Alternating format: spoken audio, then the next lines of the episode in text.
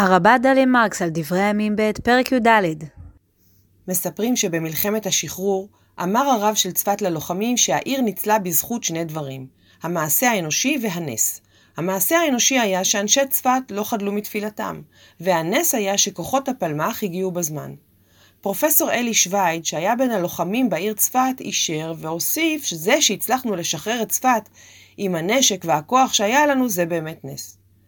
כמו בפרק הקודם, עשה נלחם גם כאן מלחמת מעטים מול רבים.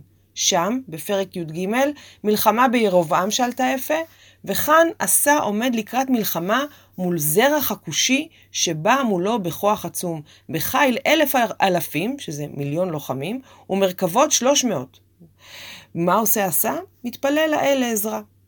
תפילה שלפני מלחמה היא סוגה ליטורגית, סוגה תפילתית, סוגה רטורית, שגם עלתה לכותרות בהוויה הישראלית העכשווית, אבל כאן נתמקד בתפילה בטרם קרב בפרקנו. ויקרא עשה אל אדוני אלוהיו. איך התנהלה התפילה? האם בנוכחות הצבא? האם בבית המקדש? האם בחדרי חדרים ובתחינה נחמרת? התנ"ך אינו מגלה, אבל הנה נוסח התפילה. ויאמר, אדוני אין עמך לעזור בין רב לאין כוח. ההבנה של הקריאה הזאת היא אולי לא כל כך אינטואיטיבית, אבל כנראה צריך להבין שאין איתך, הקדוש ברוך הוא, הבדל לעזור לחזקים או לחלשים. כוח צבאי אינו אמת המידה לעזרה האלוהית. עוזרנו, אדוני אלוהינו, כי עליך נשענו, ובשמך באנו על ההמון הזה. אדוני אלוהינו, אתה אל יעצור עמך אנוש. זו התפילה, והמלחמה הוכרעה בזכות האמונה. המלחמה הוכרעה בזכות התפילה. אבל מה המשמעות של הדבר?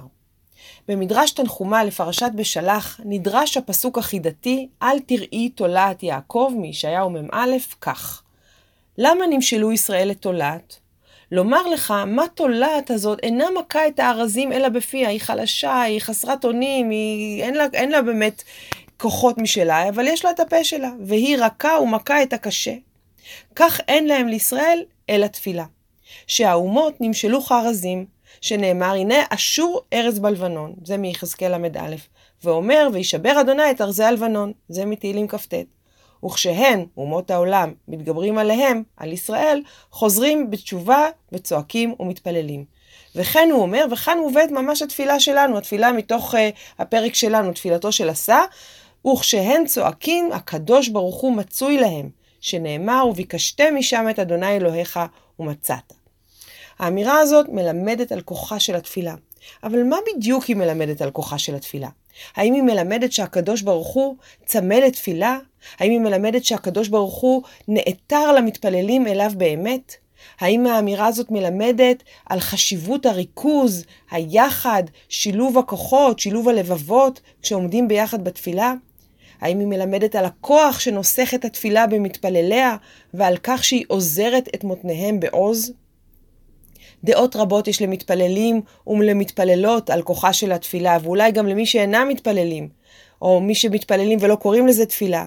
והמשותף לכולן, לכל הדעות, הוא הייחוד הסגולי של המעשה האנושי הנשגב הזה, של התפילה.